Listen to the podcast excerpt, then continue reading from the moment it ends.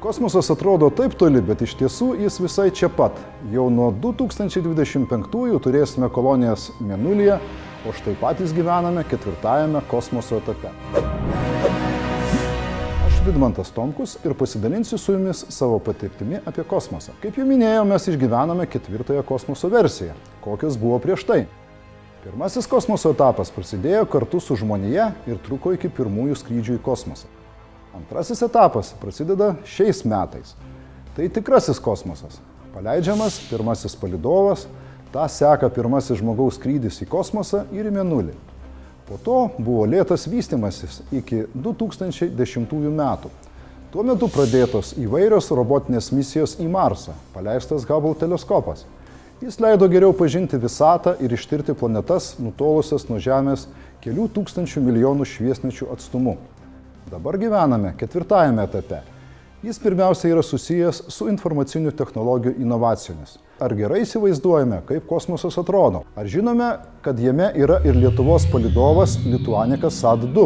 Pirmieji palidovai Lituanikas SAT-1 ir LICAT-1 buvo paleisti dar 2014 metais. Nedideli, vadinamieji CubeSatai.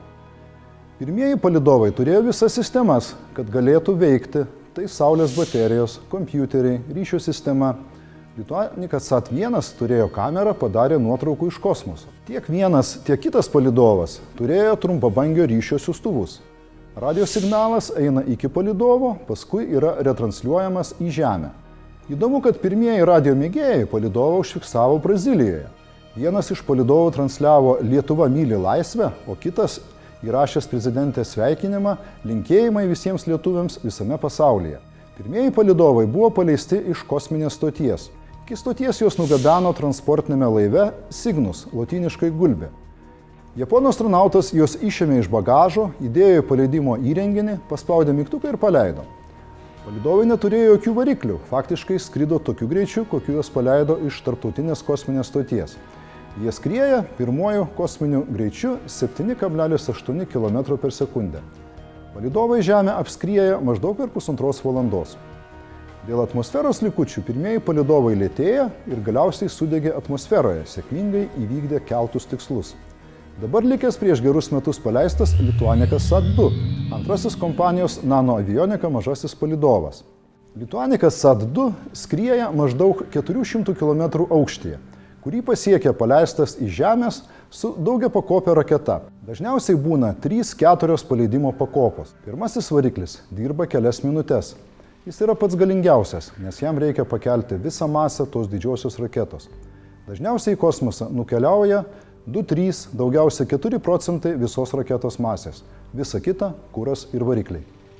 Šio palidovo tikslas ne tik tirti aukštutinius atmosferos sluoksnius, Kartu išbandomas variklis. Dabar jis vienas iš Lietuvoje parduodamų kosmoso produktų. Žmonės klausia, o kam Lietuvai tas kosmosas, kam jį investuoti? Net ir nesusimastome, kad be suteikiamų fundamentinių žinių apie visato sandarą, kosmosas palengvina mūsų gyvenimą Žemėje. Žmonės dažnai nepagalvoja, kad išsikviesdami taksi naudojamės kosmoso paslaugomis. Palidovai leidžia mums orientuotis vaikštant mieste ar važiuojant automobiliu. Žemės stebėjimu rūpinasi ir lietuvių kompanijos Geomatrix ir GIS centras.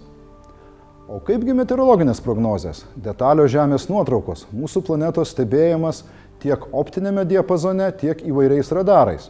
Išgaunamų nuotraukų galima daryti įvairias prognozes, stebėti klimato kaitą, miškų, žaliosios masės kiekį, oro užterštumo pokyčius.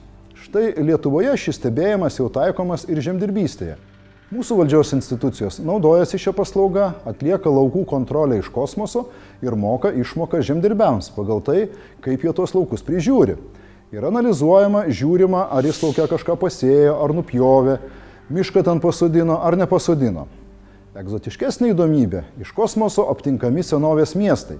Visai neseniai Latino Amerikoje, Gvatemalos džiunglėse buvo aptiktas senovės civilizacijų miestas.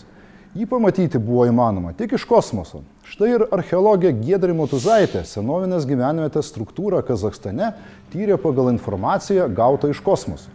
Na ir ryšiai, taip ir palidovinė televizija ir mobilusis ryšys. Bet Lietuva kosminė valstybė ne tik dėl to, kas naudojama Žemėje. NASOje stažuojasi mūsų studentai, o nuo 2011 bendradarbiaujame su Europos kosmoso agentūra.